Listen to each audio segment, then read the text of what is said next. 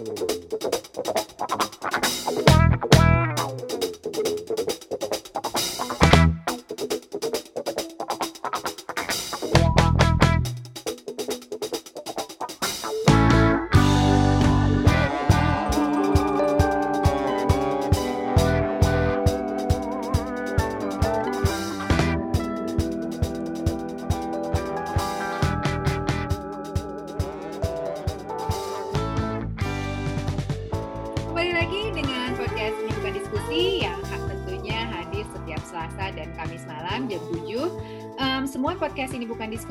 bisa didengarkan di semua outlet podcast yang kamu suka. Bisa di Apple, bisa di Spotify, bisa juga di Google Podcast. Em, kemudian jangan lupa ya teman-teman buat follow Instagramnya ini bukan diskusi at ini bukan diskusi. Eh, buat tema bulan Juni ini eh, kita punya tema bakti untuk negeri. Eh, kenapa bakti untuk negeri? Karena seru, karena nggak semua orang mau loh bekerja untuk memberikan sesuatu kembali kepada Indonesia. Seperti tamu kita malam ini yang adalah representatif, kesannya dipilih gitu terus. ini ya, silakan. Dari Kementerian, um, ya lah, kalau zaman dulu makan PU aja ngomongnya ya. Kementerian Pekerjaan Umum dan Perumahan Rakyat, Ibu Yuke Ratnawulan. Selamat malam, Ibu Yuke. Malam, email. Jangan panggil ibu dong, panggil aja Dede. Gede deh. Terido.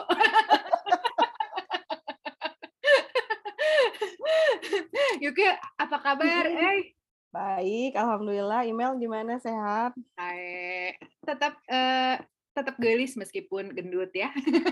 Harus itu mah. Harus itu, iya. Yuke, Mm-mm. itu kan Bandung asli ya. Terus kenapa pindah ke Jakarta? Soalnya kan banyak orang Bandung teh malas gitu pindah ke Jakarta, terutama eh, yang emang lahir gede di Bandung. Betul, Tuh, Gue- ya kan teman-teman kita contohnya. betul. Gue dari lahir banget sampai kuliah, sampai lulus kuliah tuh di Bandung gitu. Jadi eh, mungkin halo teman-teman SD gue, gue dari SD BPI, terus ke SMP 13, terus kita satu SMA Mel. ke SMA 5 terus kuliah di Bandung di ITB.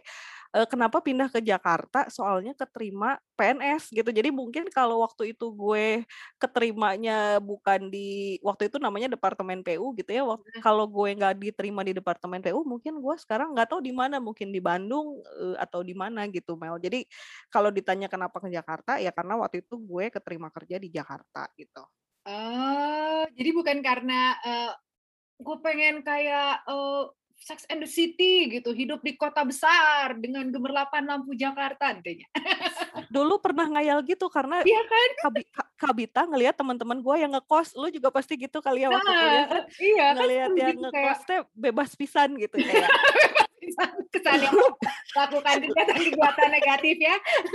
lu bisa bangun jam berapa nggak ada yang ngomelin, lu bisa tidur jam berapa nggak ada yang ngomelin. Jadi waktu itu oh asik juga ya jadi anak kos gitu. Jadi pas pertama pindah ke Jakarta jadi anak kos ya pernah ini sih kena sindrom super happy gitu eh, sebagai anak kos yang dulu tidak pernah mengalaminya gitu. Kalau gue mah pertama kali ngekos pas kuliah. Soalnya kan Hmm. waktu itu gue udah mulai ngajar IF, jadi kata nyokap gue terserah kalau udah punya duit sendiri mau tinggal sendiri terserah kan pakai duit duit duit kamu. Cuman yang Hmm. pertama kali yang gue inget mah gue bisa makan Indomie sepuasnya. happy happy banget kan Iya, gitu. iya. Cuman Orang- ternyata ternyata teh eh, s- banyak tidak happy-nya gitu. Apalagi pas bulan puasa, gila gue harus cari sahur sendiri itu itu sedih Iya. banget. kalau gue mah ya dulu kalau tinggal di rumah nyokap gue jadi misalnya satu mie itu teh dimasaknya barengan sama tiga tiga ikat sayur. Jadi kita tuh mesti nyari gitu satu persatu mie nya di mana. Di Si bundling super- gitu ya.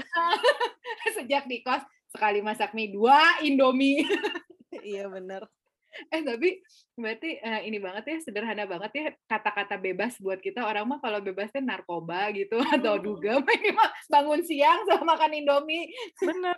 Itu itu udah udah happy banget gitu kan secara kalau dulu di rumah nyokap tuh kita belum jam 7 masih tidur teh hordeng udah dibukain brok oh iya gitu. benar gue masih inget banget nih, dulu kan kita libur cuma hari minggu ya Bener-bener. cubit dibangun harus olahraga cenah anak anak kecil mana jam 5 pagi disuruh olahraga hari Iya, minggu. Makanya gue ngeliat anak gue sekarang enak pisan gue nggak pernah nyuruh dia bangun. Iya, jangan diulangi ya kesalahan orang tua kita zaman Jangan dulu. diulangi. Terus udah gitu berarti, eee, kalau pas dari lahir Yuke tinggal di Bandung, terus Yuke pindah ke Jakarta, keluarga agak keberatan nggak? Karena kan anak perempuan mau digimana-gimanain, pindah ke kota besar sendiri teh ngedarek ngedarekdek bahasa Indonesianya ya teman-teman pendengar ini bukan diskusi, deg-degan. Iya, karena kita Sundanis ya Ya, dua-duanya. jadi agak susah ini saya menahan-nahan.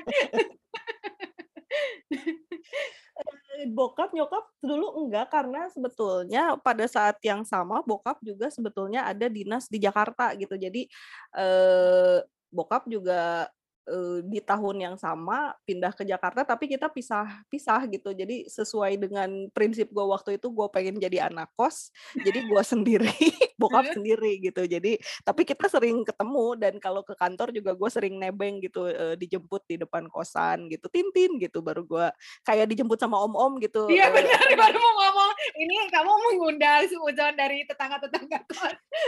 Betul. Kayak dijemput sama om-om, pulangnya diturunin gitu. Diturunin, diajak makan bareng ya, aduh. Di Cuma sebuah food court di Senayan City. Heeh, bener. Sama bakmi Mandala sih waktu itu tempat favorit gue sama bokap. Sama bokap, mana bisa dipisah sih. Terus terus? Jadi Oh, jadi makanya kerasanya mungkin nggak terlalu berat kali ya orang tua ninggalin ya? Eh, maksudnya ngelepasin, eee, Yuke pindah ke Jakarta? Enggak, malah nyokap senang karena nyokap kan di Bandung. Karena adik gue masih sekolah waktu itu, jadi nyokap nggak nggak ikut, eee, bokap di Jakarta. Jadi ya dua berdua-berdua bokap sam eh, bokap sama gue di Jakarta, nyokap sama adik di Bandung gitu waktu itu. Ini bokap lu PNS juga apa gimana? Iya. Oh, jadi lu jadi apply PNS teh emang dorongan orang tua atau keinginan sendiri?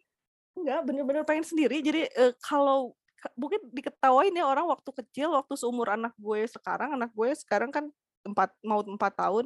Heeh. Kalau ditanya, eee, "Neng Yuka lagi eee, mau jadi apa udah gede udah gedenya?" Gitu. Gue tuh selalu menjawab pengen jadi tibum. Tibum tuh apa? Tibum tuh Oh, kalau zaman tibum, sekarang ketertiban satpol iya, satpol PP kalau zaman sekarang. Serius? Oh Batur mah polisi, ini mah kenapa satpol PP gue tuh dari dulu tuh udah udah Heeh. kayak pengen menertibkan gitu kan, kayak Kayak penertiban. Kayak passion gue tuh penertiban-penertiban gitu. Terus terus? Jadi Lucu ya lucu.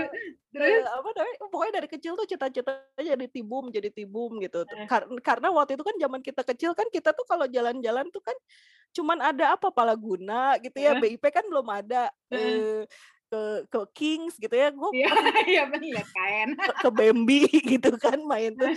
Waktu it waktu kecil tuh gue ngelihat si tibum itu sangat berwibawa waktu Sebuah figur ya. figur buat gue gitu. Waktu dia menertibkan PKL-PKL di alun-alun. Jadi kayaknya saya kalau udah gede pengen kayak gitu deh, gitu.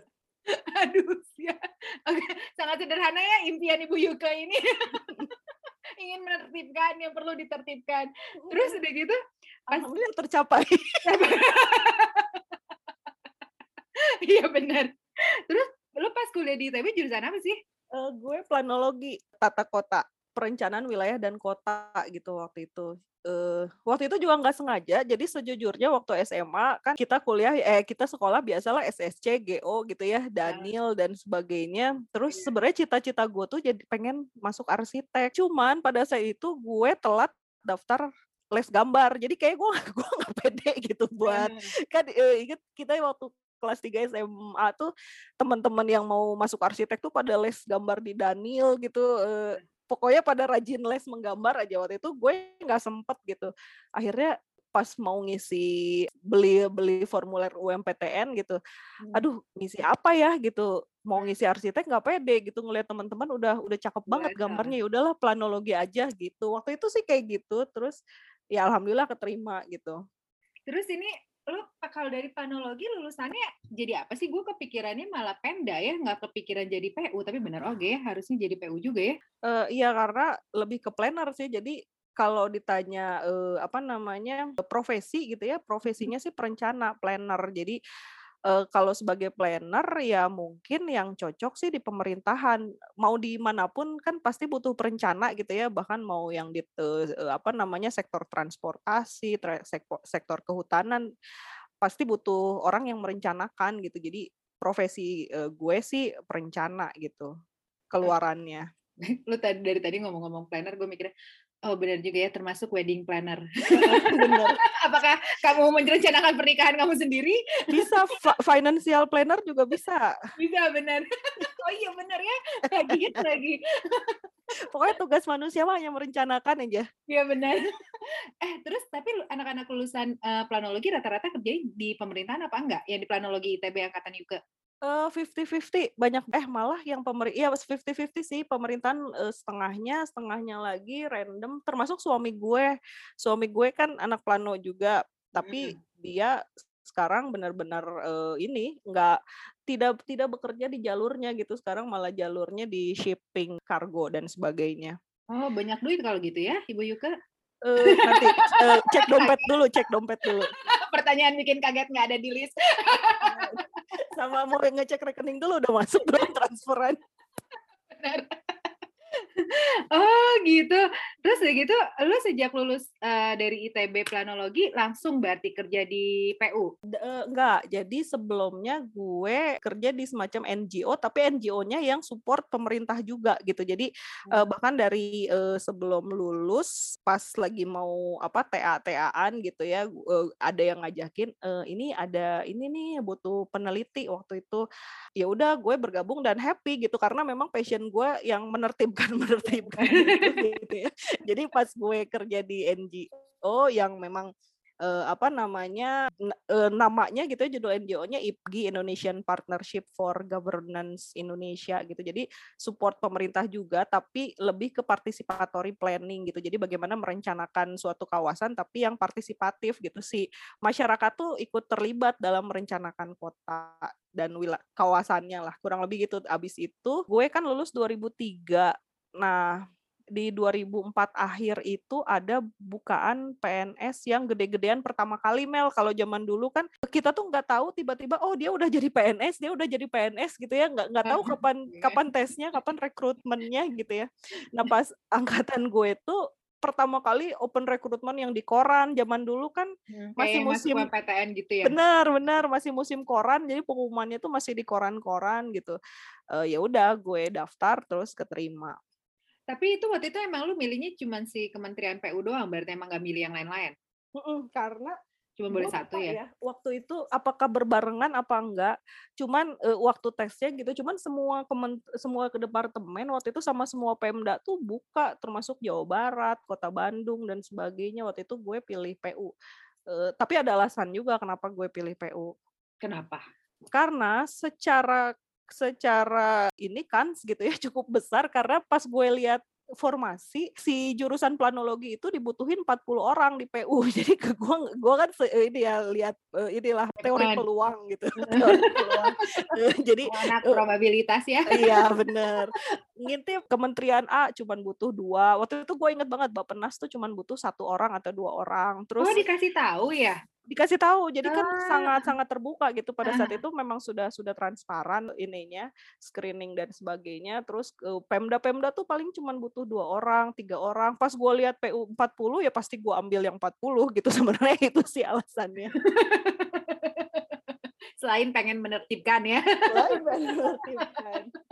itu pas zaman lu tahu nggak saingannya buat masuk si Kementerian PU berapa orang? Nggak, eh, waktu itu gua nggak tahu. Eh, kalau ditanya berapa orangnya nggak tahu. Cuman yang keterimanya waktu itu besar banget karena pada saat itu gapnya tuh kan jadi kayak waktu itu pernah PNS tuh pernah zero growth gitu. Jadi dari uh, dari tahun 90 akhir sampai ke pertengahan 2000 2000-an tuh tidak menerima PNS gitu loh Mel. Yeah, Jadi uh, tiba-tiba mungkin yang pensiun banyak terus generasi ke bawahnya tuh kurang terus akhirnya pil sekian rat sekian puluh orang, planologi sekian puluh, arsitek sekian puluh gitu. Jadi angkatan gue itu yang keterima lebih dari 300 orang hmm. yang keterima gitu. Nah. Jadi satu angkatan kita tuh lumayan 300 400-an orang gitu. Ini seluruh Indonesia kan ya berarti kalau satu angkatan teh? Mm-mm, nanti disebar. Jadi wak, bahkan waktu tes pun gue tesnya di Bandung di PU yang Jalan Jawa itu. Hmm. Terus diumumin uh, yang lolos yang enggak gitu. Baru baru gue ke Jakarta. Jadi selama uh, rekrutmen, selama tes itu kita di uh, yang apa perwakilan masing-masing. Jadi ada yang di Medan kalau nggak salah, ada yang di mana gitu. Jadi nggak nggak harus ke Jakarta pas waktu tesnya. Uh, tapi itu boleh milih ya, maksudnya uh, saya mau tes di misalnya Yuko orang Bandung tapi pengen tesnya di Jakarta boleh? Boleh boleh. Ah ya boleh lah memudahkan ya. Itu yang keterima berarti ada rentang umur berbeda-beda atau nyaris seumuran? Ada ada range umur. Jadi kalau nggak salah waktu itu maksimal umur 32 tahun pas angkatan gue.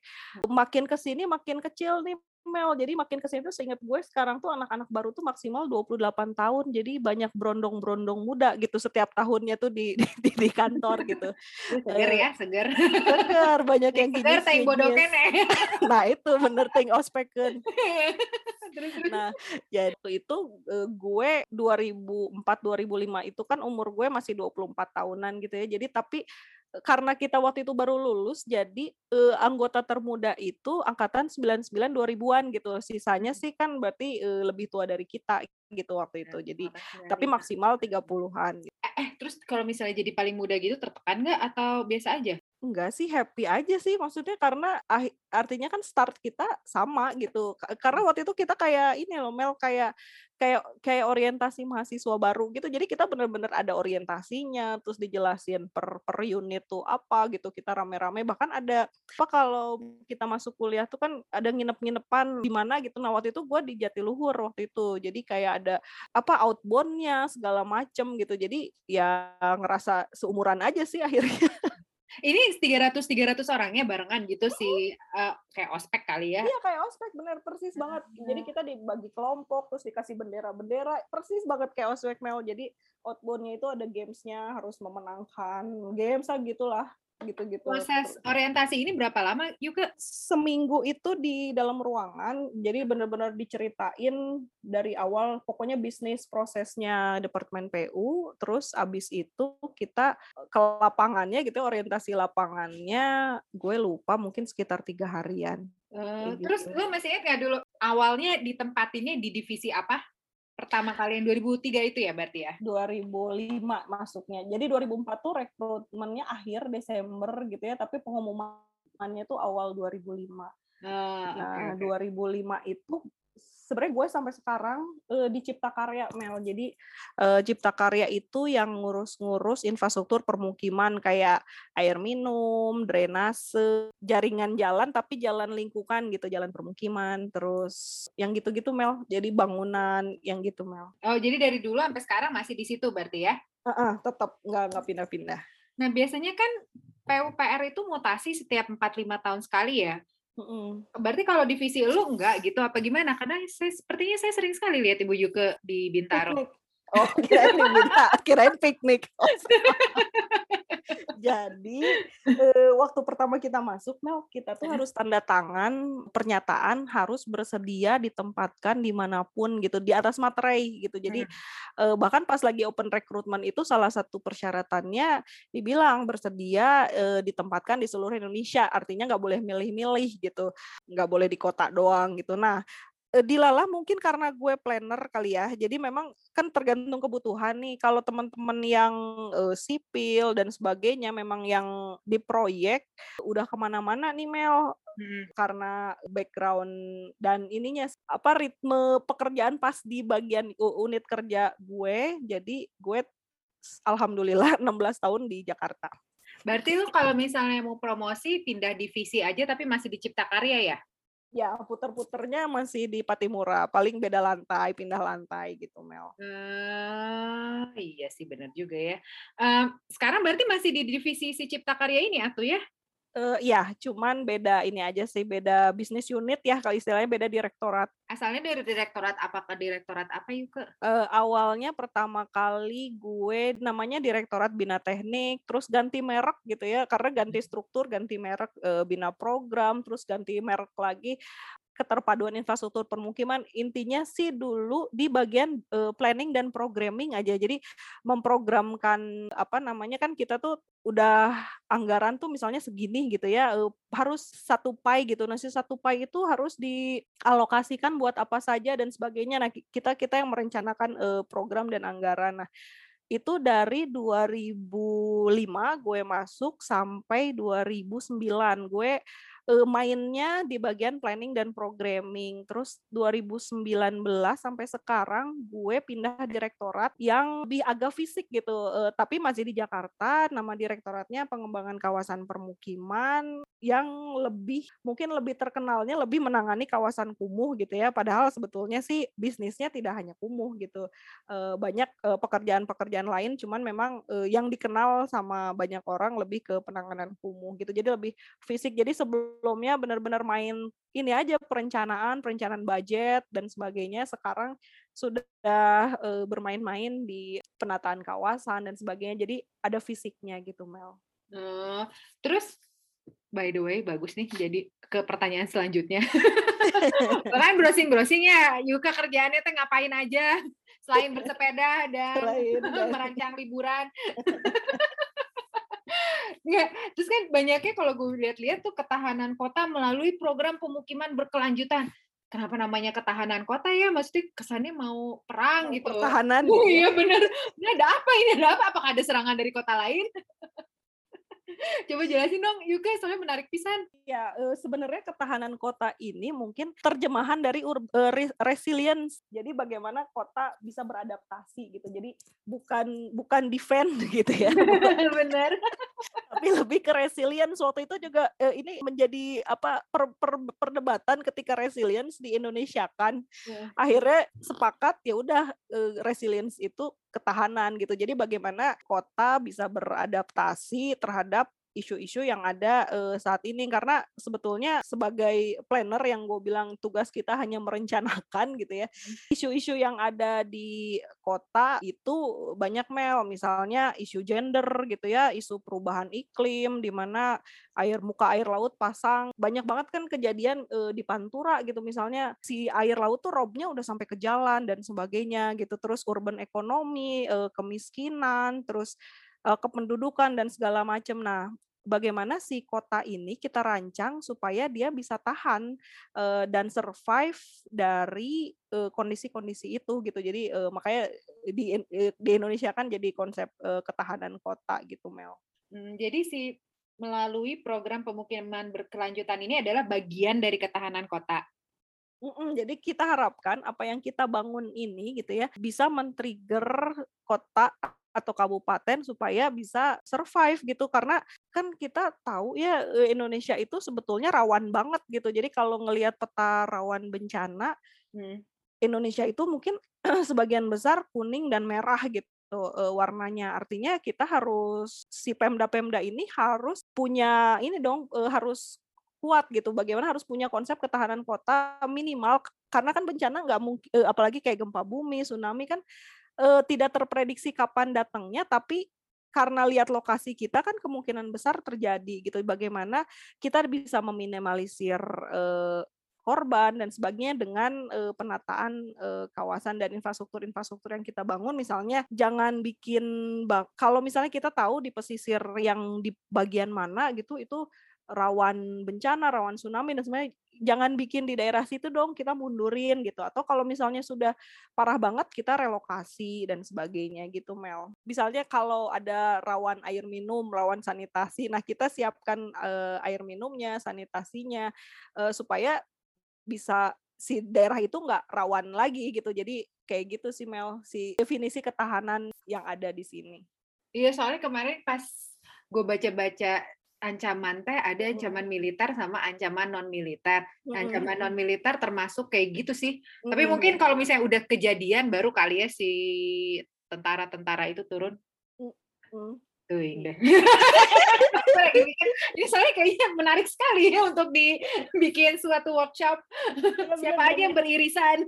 Dan iya betul dan sebetulnya ketahanan kota alias uh, urban resilience ini benar-benar lagi ngehits di uh, internasional gitu Mel bahkan banyak deklarasi-deklarasi yang memang harus mengakomodir ini gitu yang sudah mengakomodir ini SDGs pun gitu ya atau urban agenda pun di situ ada salah satu klausulnya juga tentang resilience ini Mel. Jadi harapannya sih masyarakat ya semuanya sih semua stakeholders gitu ya masyarakat Pemda dan segala semuanya siap terhadap ancaman-ancaman yang kemungkinan terjadi dan di Indonesia kan banyak banget gitu ya terutama yang alam ya gempa bumi dan sebagainya. Tapi kalau misalnya mengedukasi masyarakat di mana masyarakatnya tipenya ya udah untung masih bisa hidup, udah untung masih bisa tinggal sama orang tua. Itu kumaha? Iya, Itu tantangan ya. Tantangan banget kayaknya sekarang influencer udah paling ini kali ya yang Betul, bisa betul. mengajak kayak apa kata apa kata BTS kita ngikutin apa Iya benar. Apa kata Anya Geraldine? nah iya apa kata Bang Atta kita ngikutin Iya. Apa kata Bang Atta? Oh my God.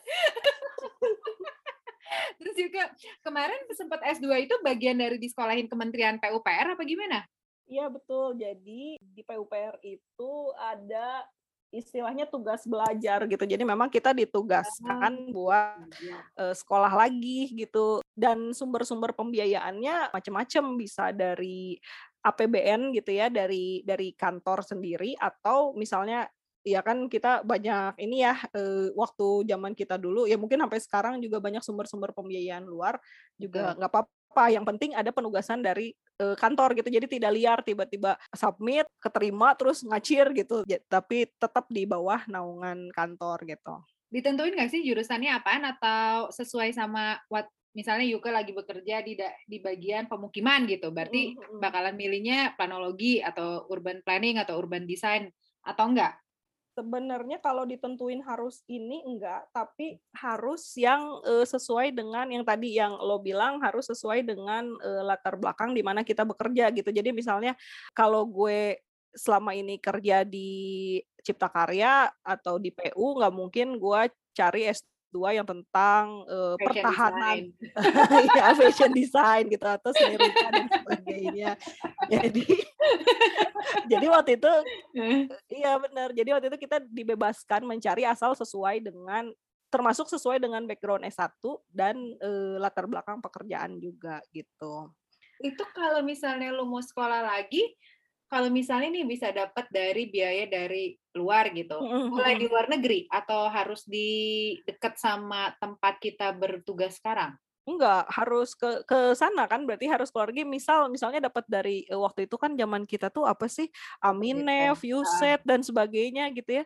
Silahkan gitu. Yang penting eh, na- secara surat menyurat ada gitu kayak gitu. Jadi bahkan rekomendasi misalnya eh, kita mau apply gitu Eh, welcome banget kantor gitu, sangat-sangat mendukung.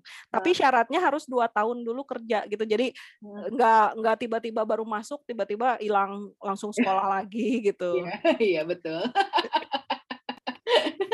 Terus ada lagi kan Yuki jadi pembicara mengenai kotaku. Coba dong Hmm. jelasin apa sih kotaku? Terus apa sih yang dibilang kota itu gimana bedain kota sama kabupaten sama eh, kampung gitu? Gimana bisa taunya? Oke, ini sebetulnya ada ini adalah tiga pertanyaan yang berbeda Mel. Pertama gue Sebagai orang yang nggak tahu apa-apa, saya butuh penjelasan. Ya, pertama apa bedanya kota sama kabupaten gitu ya eh, Iya. sebelum kita ke kotaku. Jadi ini sih secara ini sih kalau dulu mungkin kita terkenalnya undang-undang otonomi daerah gitu ya eh, alias undang-undang pemerintahan daerah. Kot, secara administrasi eh, daerah itu dibagi dua Mel. Jadi ada yang kota, ada yang kabupaten. Kalau kota eh, kepala daerahnya wali kota. Hmm. Kalau kabupaten kepala daerahnya bupati gitu. Jadi secara administrasi itulah bedanya kota dengan kabupaten alias kalau bahasa Inggrisnya city gitu ya. Nah, tapi kita juga membedakan secara fungsi itu ada urban eh, Mel. Jadi kalau urban itu sebetulnya kita menyebutnya perkotaan. Jadi itu secara fungsi tidak melihat dia kabupaten atau kota tapi di mana kalau dia urban area misal kayak di Kabupaten Bandung Mel misalnya Soreang gitu ya Iya. eh, ki- kita per- perumpamaannya di daerah Jawa Barat gitu ya Oh, iya. Karena memang kita, eh, Kita orang logatnya Jawa Barat. Jawa Barat ya. jadi kayak Soreang itu kan secara administrasi dia kabupaten gitu alias dipimpin oleh bupati tapi secara fungsi kan dia sudah Urban. bersifat kekotaan gitu ya. Jadi dia eh, urban area sehingga penanganannya pun kita kita tangani dengan eh, pendekatan urban gitu. Beda dengan pinggirannya misalnya ke pinggir ke pinggirnya lagi misalnya di situ lebih banyak kawasan pertanian, perkebunan dan sebagainya itu kita sebutnya eh, perdesaan gitu, kawasan perdesaan atau rural gitu, rural area. Jadi kayak gitu sih membedakan kota dan kabupaten serta perkotaan alias urban dengan perdesaan uh, alias uh, rural gitu. Kayak gitu Buat sih Mel. Teman-teman ini bukan diskusi yang nggak tahu uh, suburbnya Soreang itu adalah Banjaran dan Pangalengan ya. Daya kolot terus Daya? Kolot bisa bisa. betul betul dan sekitarnya lah berarti ya soalnya gue suka bingung sekarang kalau yang dulunya kabupaten kan kesannya hmm. lebih ke kampung ya kalau menurut ya, gue sepi. Tapi zaman sekarang kan lebih padat jadi hmm. kabupaten udah rasa kota. Makanya gue bingung kalau misalnya bikin um, kebijakan kabupaten tapi kota gimana cara tahunya ya? Tapi pasti tahu lah ya kalau orang PU Nah, makanya kita me, e, untuk kebijakan kita lebih pendekatannya rural dan urban gitu ya, tidak melihat kabupaten atau kota, tapi lebih ke fungsinya. Jadi yang tadi Majalaya atau apa gitu ya, yang kita anggap dia sudah seperti kota gitu ya, banyak industrinya, e, aktivitas ekonominya pun lebih ke bersifat ke perkotaan, jadi kita anggap dia kota sih. Oke. Terus kotaku apa kotaku? Nah, kotaku itu sebetulnya merek Mel. Jadi salah satu merek penanganan kumuh. Jadi kotaku itu singkatan dari kota tanpa kumuh gitu. Hmm. Sebetulnya itu salah satu merek dari program dari sekian banyak program penanganan kumuh uh, yang ada gitu. Nah, kalau kotaku ini spesifik karena memang dari sumber pembiayaannya uh, berbeda gitu. Kayak gitu sih. Jadi sebetulnya penanganan kumuh tuh bisa dengan kotaku atau dengan penanganan kumuh lainnya reguler dan uh, sebagainya. Tapi intinya bisnisnya adalah bagaimana kita menangani kumuh karena Mel kumuh itu ada ini loh, ada uh, amanatnya di dalam perundangan gitu. Jadi kalau 10 tahun uh, lebih ya 2000 2005 gitu RPJM RPJP Rencana Pembangunan Jangka Panjang Indonesia nasional itu ada yang menyebutkan memention bahwa 2020 itu kota-kota di Indonesia harus bebas kumuh gitu Mel. Aduh, uh, aduh. Nah, itu secara sekarang udah 2021 yeah. teman-teman lihat gitu ya kumuhnya masih banyak gitu. Nah, yeah. ini ini coba kita adjust dan di tahun sampai tahun 2024 nanti gitu ya. Jadi uh, programnya Bapak Presiden gitu ya 2020 sampai 2024 uh, kita itu harus menangani 10.000 hektar kawasan kumuh di seluruh Indonesia. Nah, salah satunya adalah dengan program Kotaku gitu. Jadi nanti di total-total uh, PR PR penanganan kumuh yang harus ditangani minimal adalah 10.000 hektar. Lebih oke okay banget gitu, tapi nggak boleh kurang dari 10.000 hektar itu Mel. Kayak gitu. Ini berarti melibatkan karena ini seluruh Indonesia berarti hmm. lu travel seluruh Indonesia juga ketemu Pemda gitu atau gimana? Betul, kolaborasi. Jadi eh, di situ ada uang Pemdanya, ada uang APBN-nya gitu ya pusat, ada pokoknya semuanya eh, kalau dari swasta dan sebagainya berkontribusi dari masyarakat itu di dikolaborasikan makanya nanti ada eh, action plan siapa melakukan apa, tapi pokoknya kalau di total-total 10.000 harus tuntas gitu. Jadi diharapkan yang nggak ada kumuh-kumuh lagi kadang-kadang yang kita sedih gitu ya, yang kumuh lama hilang, eh tiba-tiba muncul kumuh baru Mel. Iya benar, soalnya yang kumuh lama udah ngerti memang harus berubah. Kumuh baru nggak tahu apa-apa dari kampung mau mencari uang ke kota. Tantangan tibum banget Mel. Iya ya benar, langsung jiwa kamu menggelora. Langsung gue langsung passion gue gitu ya. Iya. Ih menarik, tapi kayaknya liar ya kalau gue mau jadi jadi PU liar. Terakhir, menurut Yuka, apa sih tantangannya menjadi anak muda? Anak muda itu definisinya agak lus ya kalau menurut gue karena buat generasi kita generasi apa ya generasi Y ya generasi ngarep generasi kita kan di, dianggap generasi kayak generasi di antara generasi yang tua sama generasi yang muda. Jadi menurut gue kita generasi muda. Hmm, itu tantangannya gimana lu di kementerian secara menyatukan persepsi sama masyarakat atau menyatukan persepsi sama bos maneh yang udah pada berumur kan susah ya? Uh, jadi memang ini ya tantangan kita di usia labil. Jadi kalau dulu usia labil bener. jadi kadang-kadang gue tuh bingung, gue tuh masuk generasi muda apa enggak sih gitu. Eh, bener karena X belum, Z iya. enggak gitu. Jadi di usia 39 40 ini kita anggap kita middle age lah ya. Karena ya tadi gue bilang makin ke sini itu kan CPNS makin muda tuh umurnya maksimal 28 tahun gitu ya. Jadi setiap tahun itu ada dedek-dedek baru masuk ke ruangan gitu ya. Kayak waktu gue dulu, dulu gue masuk 25 tahunan. Di sisi lain ada bapak ibu yang usia matang gitu alias 50 tahunan gitu dan kita di di antaranya Nah, kalau ditanya gimana sih tantangannya? Jadi so far gitu Mel secara gap teknologi sekarang kalau di kantor gue ya uh, cenderung sudah nggak ada Mel jadi bapak ibu yang usia matang ini uh, itu sudah high tech gitu Mel di pokoknya dan di tempat gue ini sekarang semua udah pakai III gitu jadi udah paperless jadi semua Hmm. bahkan disposisi kalau gue nerima surat itu ada aplikasinya gitu. Jadi uh, kalau zaman dulu waktu gue masuk kan gue dapat disposisi dari bos-bos tuh udah di pokoknya tiba-tiba di atas meja gue tuh akan banyak surat gitu ya. Ya udah dicap-capin semua. Uh, udah dicap-capin, udah ditanda tangan, tolong kerjain, kerjakan, kerjakan gitu ya. Sekarang itu semuanya sudah dalam aplikasi gitu. Jadi uh, dan bisa masuk kapan aja notif di email aja gitu. Jadi bisa jam 2 malam ngasih uh, disposisi. Yeah. Ini sebenarnya jebakan. Kalau gue bales gimana gitu ya. Iya nah jadi apa namanya jadi secara uh, gap gap teknologi udah uh, udah hampir sama lah gitu.